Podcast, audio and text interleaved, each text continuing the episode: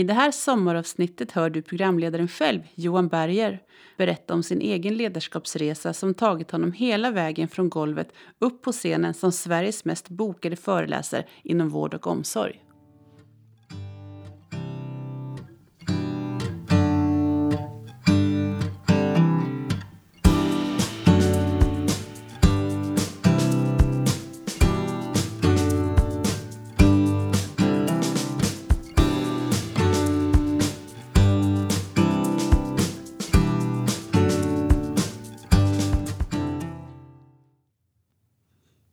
Jag får ofta frågan från deltagare på mina föreläsningar och workshops och utbildningar om vad är det som driver dig Johan? Vad är det som gör att du har valt just det här med kommunikation och relation på arbetstid? Eh, hade de ställt frågan till mig eh, för eh, 20 år sedan då tror jag inte att jag hade vetat vad jag skulle svara egentligen. För att eh, jag kände mest då på den tiden att jag eh, eh jobbade tillfälligt inom vården. Sen blev ju det 30 år, så att så tillfälligt var det ju inte. Men numera så kan jag faktiskt svara på frågan för att jag har funderat ganska mycket på eh, när insikten kommer. Varför har jag valt att jobba på det här sättet?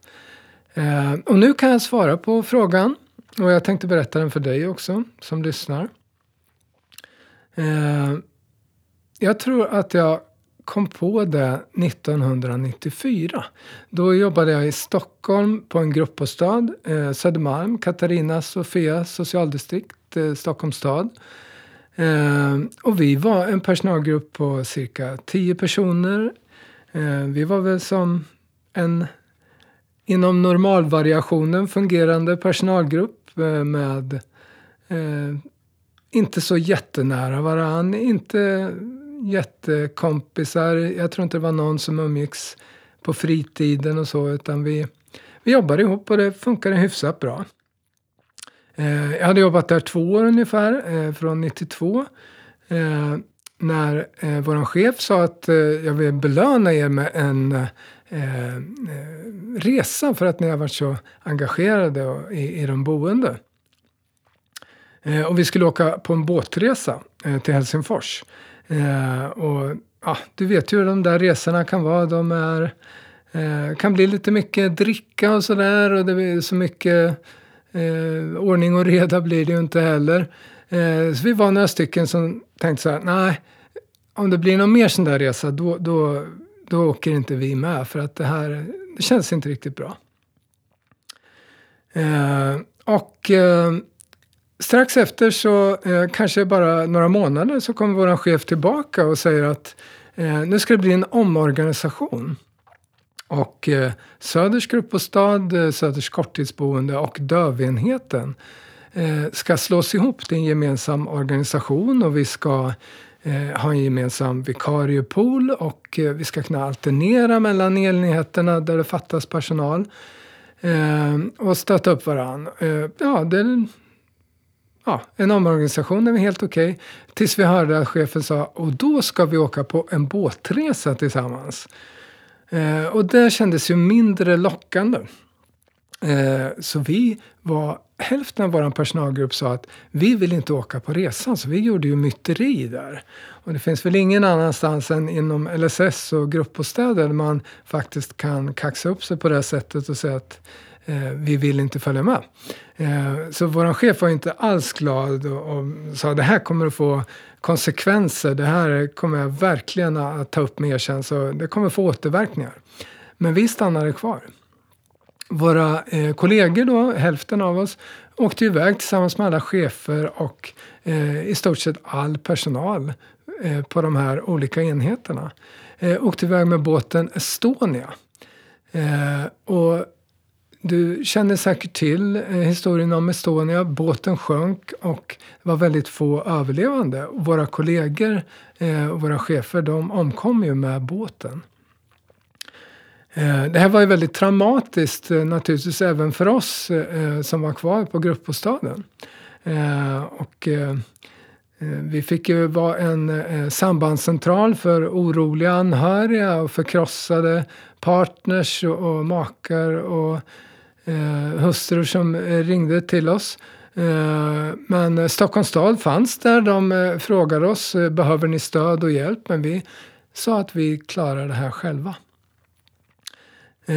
Så samtidigt som det var väldigt svårt för oss så hände ju någonting spännande. Vi hade ju inget ledarskap alltså i en officiell roll. Vi hade ingen chef eller samordnare. Eh, vilket gjorde att vi fick jobba med våra gruppprocesser på egen hand. Och vi kom väldigt nära varandra. Vi gjorde en eh, snabbversion kan man säga av grupputvecklingens faser eh, i kris och krishantering. Eh, vi delar ju det här tillsammans och faktum är att fortfarande idag så har vi kontakt några stycken av oss. Eh, men det här var, kan man säga, eh, med, med, en liten historia här då, eh, orsaken till att jag jobbar med eh, relationer och kommunikation på arbetstid. Det är just det här att varför vänta på en kris eller ett trauma innan vi kommer nära varandra. Det är bättre att vara förberedd, att eh, ge processen att lära känna varandra i det mellanmänskliga mötet eh, på jobbet eh, att ge det utrymme innan eh, vi verkligen behöver det på allvar. Ibland har jag tänkt på om det är en slump att vi hamnar i de yrken som vi eh, hamnar i. Eller eh, finns det tankar som vi inte är medvetna om som styr oss in på speciella intresseområden? När jag började som grön 16-åring inom vård och omsorg så eh, hade jag nog inte kunnat föreställa mig att jag skulle jobba så länge inom vård och omsorg som jag faktiskt har gjort. Eh, många av mina kompisar de eh, valde bygg och anläggning eller de valde eh, teknik eller eh, någonting sånt där. Något mer traditionellt eh, manligt jobb. Eh, jag provade också det lite grann där som Eh, tidig 16-åring men jag kände liksom inte att det var riktigt min grej. Sen var det dags för sommarjobb eh, som 16-åring. Eh, och då hade jag mitt första jobb då inom vård och omsorg på det som på den tiden kallades för Ja, det är så länge sedan så jag kommer knappt ihåg vad det heter. Men eh, ålderdomshem hette det ju. Eh, och eh, det var inkörsporten till, till vård och omsorg. Nu har det blivit 30 år som sagt var. 30 år eh, som medarbetare och snart 10 år i ledarskap. Eh, och när jag tittar tillbaka på de här åren så eh, kan jag konstatera att eh, eh de allra viktigaste centrala delarna eh, i mitt liv har faktiskt hänt inom just vård och omsorg.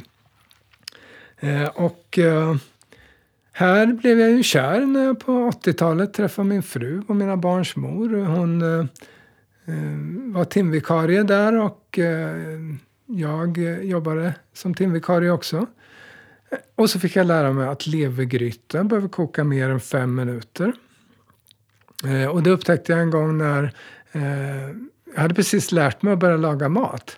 Eh, och nu, nu får vi hoppa fram här eh, två, tre år här. Jag är väl cirka eh, 18 år här. Jobbar i, i hemtjänst. Eh, och eh, jag gör en levergryta, fräser på levern lite med lök och det doftar väldigt gott. Eh, och det är potatis och rårörda lingon. Eh, och jag är klar på en eh, 5–7 minuter Eh, med eh, levern. Ställer fram den till den eh, trevliga farbrorn som jag har gjort maten åt. Och här så är jag tvungen att gå på toaletten. Och då hör jag hur den här farbrorn skrapar ner maten i, i soppåsen eh, och går och sätter sig eh, tillbaka på sin plats vid köksbordet. Och när jag kommer in så, så frågar jag om det var gott. Och det var ju jättegott tyckte eh, den här eh, söta lilla farbrorn. Eh, men det gick naturligtvis inte att äta lever som har kokat i, i, i fem minuter. Det ska ju stå och puttra länge. Eh, så det fick jag ju lära mig.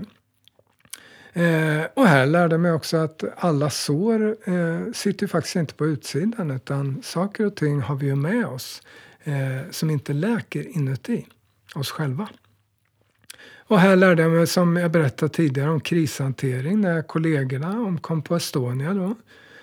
Eh, men jag fick också eh, uppleva här eh, hur jag fick själv fin omvårdnad ur patientperspektiv när jag själv var sjuk i cancer.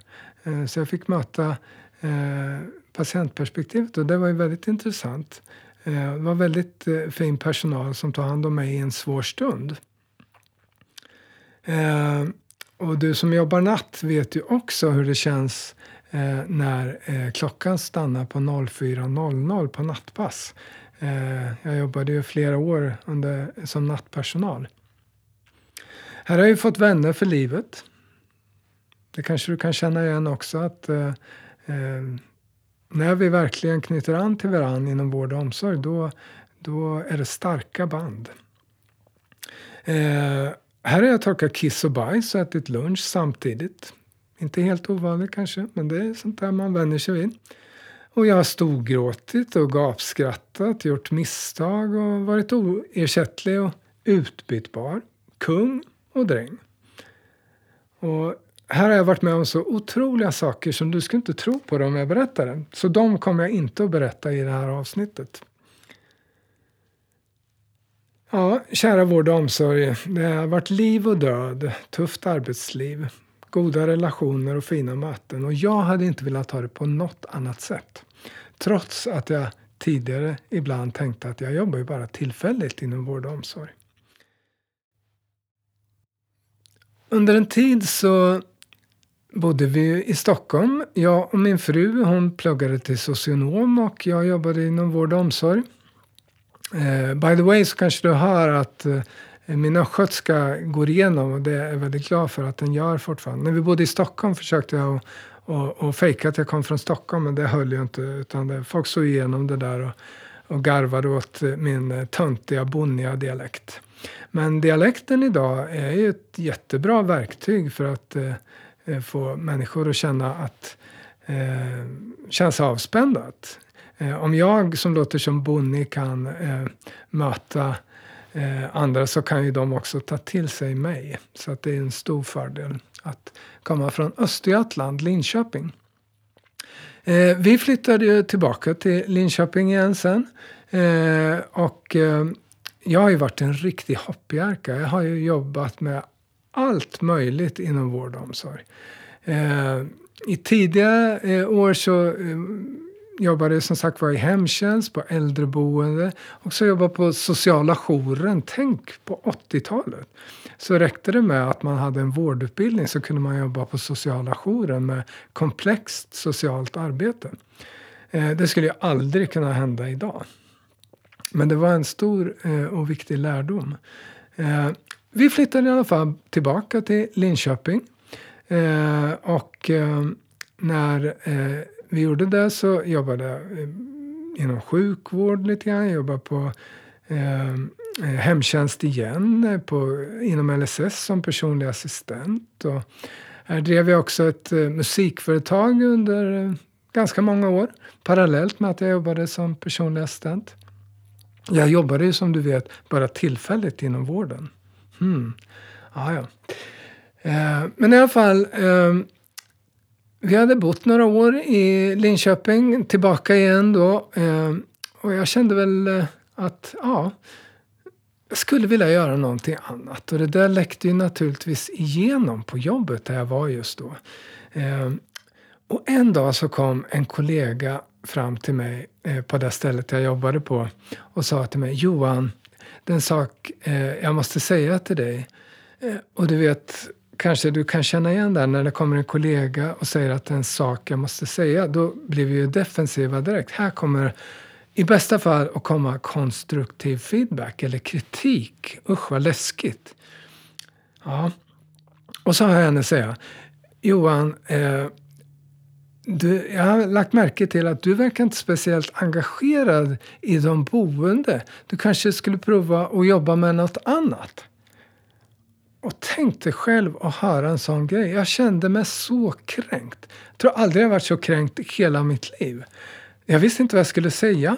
Eh, och det här var en rättfram kollega och när hon hade sagt det här så gick hon iväg och där stod jag med den här känslan. Så när jag kom hem till min fru eh, så hade jag ju världens försvarstal och eh, jättestor ilska och jag kände mig så kränkt. Och jag sa det, Åh, alltså vilken idiot alltså. När jag kommer tillbaka imorgon då ska jag läsa lusen av den här tjejen och berätta hur saker och ting ligger till. Va? Men eh, medan jag satt där och pratade med min fru eh, så insåg jag helt plötsligt att kollegan har ju rätt. Jag skulle behöva göra någonting annat. Hon hade också sagt att jag verkar mer intresserad av hur personalen hade det än de boende, bara en sån sak. Men jag insåg att det här var ju sant. Jag var mer intresserad av kommunikation, relation, ledarskap, coaching. De där värdena. Så vad som hände egentligen var ju att min kollega gav mig konstruktiv feedback. Och feedback på det sättet, när vi får den, är ju fantastisk. För hon hjälpte ju mig att ta ett beslut. Jag insåg att jag är redo för att jobba med personalen. Så det var ju då jag startade mitt coachingföretag. Så jag är ju extremt och stort eh, i stor tacksamhetsskuld till min kollega kring det. Tänk att hon vågade berätta det här för mig. Det som hon sa, såg, men som jag inte såg själv. Tror du att det finns saker som dina kollegor eller dina eh, medarbetare eh, ser hos dig som du inte ser? Be om feedback. Det kan hända fantastiska saker när vi får reda på saker som är i vår döda vinkel. Ja, och så startade jag då mitt coachingföretag. Och du vet ju kanske också hur jobbigt det kan vara ibland när vi ska ändra livsinriktning och göra något helt nytt. Eh, jag hade ju gått lite kurser, lite utbildningar. Jag hade prövat att börja läsa på högskolan. Bara en sån sak var jättestort för mig. Läsa ledarskap och utveckling och lite HR och sånt. Jättespännande. Men så var det ju dags för några av de första uppdragen. Jag minns speciellt ett av mina allra första uppdrag när jag hade förberett mig väldigt noga.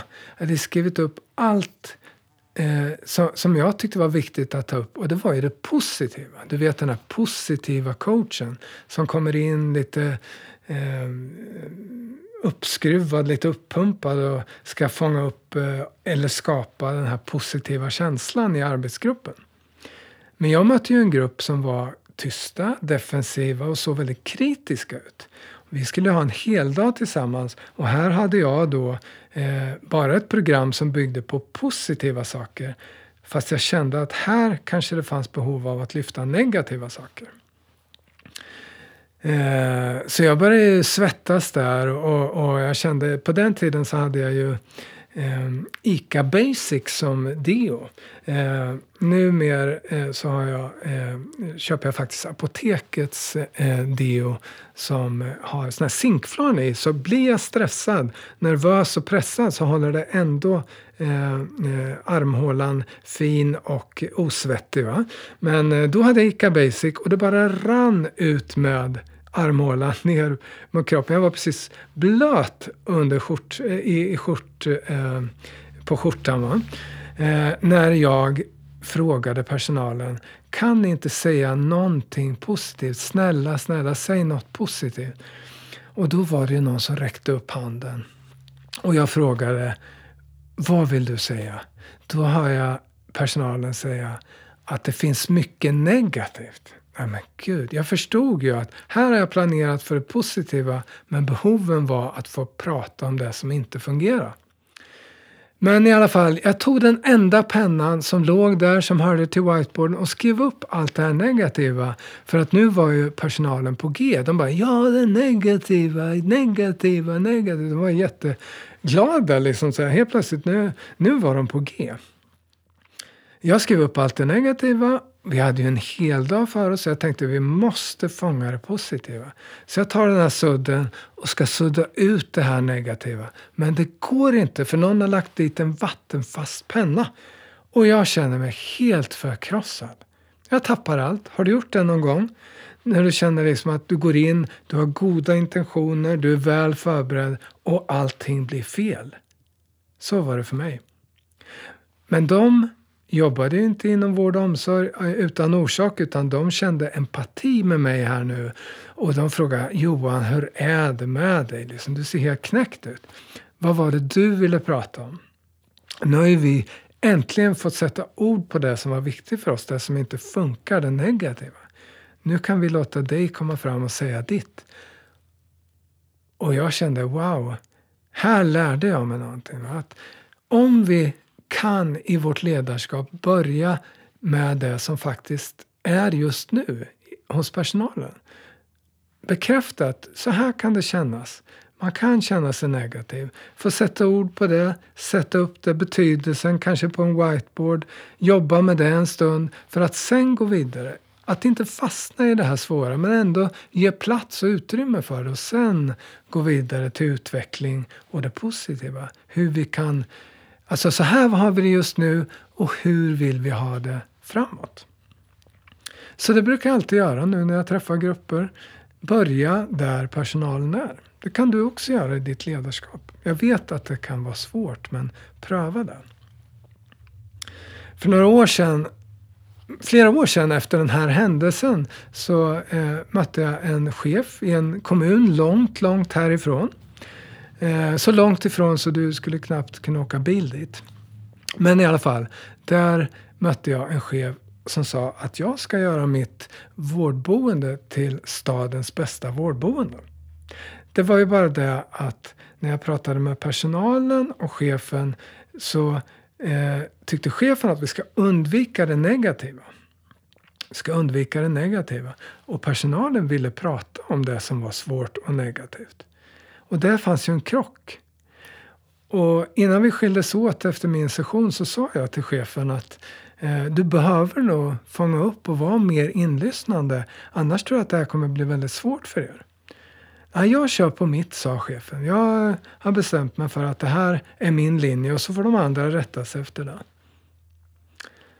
Sen läste jag faktiskt i tidningen något år senare att den här verksamheten hade blivit anmäld av Arbetsmiljöverket eh, och Inspektionen för vård och omsorg eh, för en rad brister. Eh, och det är ju en väldigt tråkig historia egentligen men här har vi ett väldigt bra exempel på att inte tro bara på sin egen linje, på, det, på min egen sanning, utan att faktiskt möta omgivningens reflektioner och deras tankar för att få eh, möjlighet att faktiskt göra eh, verksamheten till stadens bästa verksamhet. Fördelen, tycker jag, för mig med att ha lång erfarenhet i medarbetarperspektivet men också nu eh, i ledarskapsperspektivet. Det är ju att jag kan ha ett tvärperspektiv när jag möter eh, personal och chefer, ledare inom vård och omsorg, hälso och sjukvård. Eh, och eh, just det här att eh, vara inlyssnande, att vara reflekterande tillsammans eh, tycker jag är eh, den ledarskapsutvecklingen som, som eh, är allra mest effektiv. Att tänka att när jag utvecklas eh, som person i min roll i ledarskapet eh, så är jag själv verktyget. Jag bygger på det. Så det, min tanke är att det finns egentligen ingen utbildning, ingen kurs, ingen eh, eh dokumentationsbaserad eh, kunskap som är lika stark som den egna utvecklingen i ledarskapet. När vi får sätta ord på det som är sårbart. Eh, till exempel då har vi eh, en känsla av att vi har svårt att lyssna in våra medarbetare eh, eller att lyssna in vår chef för den delen. Eh, att faktiskt våga ha modet att vara sårbar. Att lyfta, jag vet inte, jag har inte svar på alla frågor, men vi kan hjälpas åt. Eh, med att faktiskt våga berätta hur det känns, hur vi tänker och hur vi känner. Och vi kan göra det genom strukturerad reflektion. Så det är ju det jag jobbar med när jag är ute och möter grupper. Oavsett om det är föreläsning så är det en kortare del eh, som är teoretisk förklaringsmodell. Och sen går vi över till mötet, det mellanmänskliga mötet. Det är det som är nyckeln, så uppfattar jag det i alla fall. Det är min erfarenhet av att ha jobbat eh, så här länge inom vård och omsorg. Det är det som behövs. Sen är inte alla positiva till det. Jag kan se att det finns skillnader till exempel. Dels mellan individer. Vissa individer kan tycka att det är svårt att eh, börja öppna sig. Eh, att prata om eh, känslor och tankar och upplevelser. Medan andra tycker att det är jätteskönt och vill prata mer om det. Där försöker jag balansera. För mig är det en utveckling hela tiden. Ibland tar det väldigt lång tid att eh, komma fram till en förlösning. Det är ju en lång process. Det, oftast är det en lång process. Eh, men det kan också hända spännande saker under en session. I en kommun långt härifrån, ja kommunerna och eh, ställena där jag jobbar är ju alltid långt härifrån naturligtvis. Eh, för att avidentifiera eh, vilka jag pratar om. Men i den här kommunen långt härifrån så mötte jag en grupp eh, som jag hade fått i uppdrag att hitta just problematiken som fanns där. Men när jag frågade personalen så var det de här klassikerna. Ja, det är bra här, det är inga problem och allting flyter på. Nej, det är inget speciellt och sådär. Okej. Okay. Och jag jobbade vidare jag var lite envis. Jag fortsatte och fortsatte. Och det här var ju en tre timmars session. Så var det 20 minuter kvar. Då helt plötsligt är det någon som kommer igång och som säger till sin kollega eh, Där blev jag besviken på dig och det här har stannat kvar i mig och det här vill jag ta upp nu. Och jag menar, nu är det ju mindre än 20 minuter kvar av sessionen. Så kan det vara. Det kommer i sluttampen när vi har fått eh, vänja oss vid tanken och acceptansen av att det är det här vi ska göra. Så det blev ju världens konflikt. Kollegan som fick kritiken började bli, komma i försvar och, och det blev skrik och bråk och gråt. Och, nu är det bara fem minuter kvar och då kommer de andra in och det blir nästan fysiskt. Va? Har du varit med om det någon gång? Att eh, Du sitter med en personalgrupp och det blir så mycket ilska och frustration så att man känner nästan att smockan hänger i luften mer eller mindre. Och nu är ju sessionen slut. En person springer ut och de, någon sitter och gråter. Och, och jag kände mig helt värdelös. Jag tänkte herregud, vilken dålig föreläsare och handledare jag är. Folk gråter och skriker och bråkar. Och då hör jag någon säga, nu var det slut för idag. Nu, tack för idag, hej då. Och så går alla. Och jag bara går ut till bilen med min väska och känner mig helt förstörd. Jag tänkte jag får lägga ner det och gå tillbaka till eh, vård och omsorg som medarbetare igen. För det här, det här är ju ingenting för mig. Eh, blir mina sessioner så här måste jag vara jättedålig. Och det här var en ganska stor stad. Jag ska leta eh, mig ut ifrån den här stan. Jag åker fel och eh, jag stannar vid mack och, och kissar. Och, och, och sen helt plötsligt så har jag tagit mig fram ända fram till utfarten mot eh, den stora vägen mot nästa uppdrag. Och det här är helt sant tro mig när jag säger det. Jag vet att du kanske har svårt att tro mig. Men då hör jag en bil tuta bakom mig. Och då tänker jag det är väl någon, eh, någon som tycker att jag är trög som inte kommer ut på utfarten. Men, men jag vänder mig om eh, och då kommer den här bilen jämsides upp med mig. Och vilka sitter i den bilen? Jo, där sitter de här två personerna som bråkade sådant på min session strax innan. Helt otroligt, det är nästan magiskt.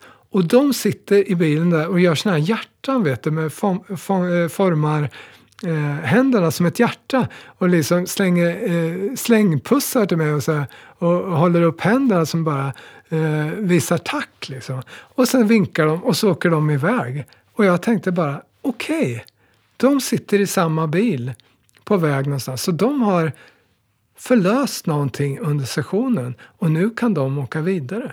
Och det gör jag också. Och då grät jag faktiskt, för jag kände att det var så en fantastisk händelse för mig. Så det är alltså Även om det kan bli, tänk på det, även om det blir jättejobbigt när du lyfter svåra saker på jobbet eller låter medarbetarna lyfta det här svåra, så kan det faktiskt hända att man knyter an till varandra igen. När vi har fått dela det här så vågar vi sen knyta an till varandra igen. Det var det som hände. 2018 så gav jag ut min debutbok eh, Reflektioner till kaffet på bokförlaget Komlit i Helsingborg. Eh, jag hade ju under en ganska lång tid eh, samlat ihop små texter och skrivit lite blogg. Eh, gjort bildcitat på mina sociala medier om du kanske har sett det på LinkedIn, Facebook eller Instagram. Kring medarbetarskap, ledarskap, kommunikation. Så jag hade ganska mycket material. Eh, och tänkte att det skulle vara kul att ge ut en bok. Eh, men den boken skulle inte bli speciellt tjock. Den skulle inte bli så instruktiv utan mer kommunikativ. Tala med läsaren snarare än att berätta för läsaren om hur saker och ting ligger till. Reflektionsbaserad bok. Passar bra att kalla den Reflektioner till kaffet. Eh, och eh, jag hade en eh, eh, bekant som faktiskt har varit med i den här eh, podden förut som hade gett ut en bok. Eh, och jag tänkte jag frågar honom, tror du att ditt bokförlag skulle vilja ge ut en bok med mig som heter Reflektioner till kaffet? ja, sa han och, och skickade ett tips till förläggaren. jag hörde av mig och svårare än så var det inte. Det är helt otroligt vilken fantastisk eh, feedback. Och det blev då en bok som egentligen eh, inte alls är som de böcker som jag har sett ute inom vård och omsorg. Som, dels så hinner vi inte läsa böckerna kanske som medarbetare eh, och eh, de blir istället grytunderlägg eller dörrstopp liksom för att hålla upp dörrar eh, utan överdrift. Eh, men det finns ju eh, en massa bra litteratur på kontoret men, men det är ingenting som man läser. Så jag tänkte jag vill göra en bok som faktiskt blir läst. Därför eh, så blev Reflektioner till kaffet en mix av mina upplevelser, mina berättelser och små bildcitat. Den är inte alls tjock och den är tillgänglig. Så kolla gärna in den får du se. Reflektioner till kaffet på bokförlaget Komlet.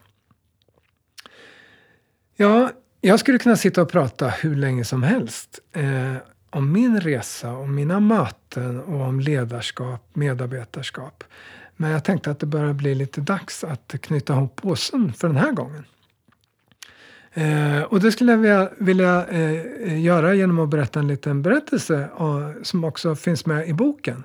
Eh, som handlar om att vår inställning på jobbet märks mer än vi tror. Och det gäller ju både ledarskap och medarbetarskap. Um, oftast när jag får ett nytt uppdrag så är beställaren en verksamhetschef, en enhetschef eller VD kanske. Ehm, från kommun, ehm, privat utförare, region, landsting. Men då och då så kan det ibland vara också en engagerad medarbetare som vill hitta en intressant föreläsare. Men en tidig morgon för några år sedan så ringde en beställare av det lite mer ovanliga slaget. Det ringde, jag svarade. Hej, är det här Johan Berger coach? hörde jag någon säga. Det stämmer eh, vad gäller saken. Eh, jo, jag har en personalgrupp som behöver utvecklas i bemötande och förhållningssätt. Okej, tänkte jag, det här är ju standard, det här är helt normalt och känns ju bra. Kul att de ringde, tänkte jag. Eh, Okej, är det stora händelser vi pratar om, säger jag. Nej, eh, säger personen i andra sidan luren. Egentligen är det mer i vardagen, i det lilla, som jag tycker behöver förändras. Eh, att de kan bli bättre på att lyssna och möta de boende på gruppbostaden. Dessutom känns de inte så professionella. De uppför sig som om de vore hemma hos sig själva ibland. Två i personalen är ihop och kramas och pussas på arbetstid, typ sådär. Va? Ja, det känns inte bra. Det är helt utan gränser. Ja, det här låter intressant, säger jag. Eh, tänker du heldag eller halvdag? Och när tänker du dig ett genomförande? Ja, kan du komma hit idag och vara kvar hela dagen och kolla? Ja, det är nog lite för kort varsel, säger jag faktiskt. Eh, vilken chefsposition hade du? Eh, frågar jag den jag pratar med här nu då. Nej, nej, jag är inte chef. Jag bor på gruppbostaden. Oj, okej. Okej. Okay. Det tycker jag är lite eh, spännande faktiskt. Eh, så hur pratas det om er verksamhet tror du, när du inte hör? Eh, det här kan vara någonting att ta med sig. Hur pratas det om dig i ditt ledarskap?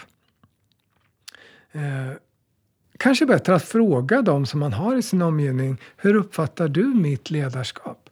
Än att få höra, höra dem prata om dig i andra sammanhang. Om du vågar vara modig, vågar vara sårbar och fråga hur uppfattar ni mig i ert ledarskap? I mitt ledarskap? Hur skulle ni vilja ha det? Att ni möts där. Det kan vara en tanke att ta med sig. Ja, eh, den här eh, lilla eh, stunden med mig i podcasten här är, tänker jag, eh, på väg att ta slut. Det är sommar 2019 och jag hoppas du får en bra sommar. Eh, men precis som på jobbet så kan det vara bra att förhandla och kolla om vi är överens om hur vi vill ha det på jobbet. Men även med omgivningen där hemma när vi har sommarlov och har semester. Att förhandla. Är vi överens? Vem gör vad, hur och när? Och berätta, så här vill jag ha det. Hur vill ni ha det? Då tror jag att vi får bättre och starkare relationer till varandra. På jobbet, men även hemma. Tack för att du lyssnade. Vi hörs. Hej då!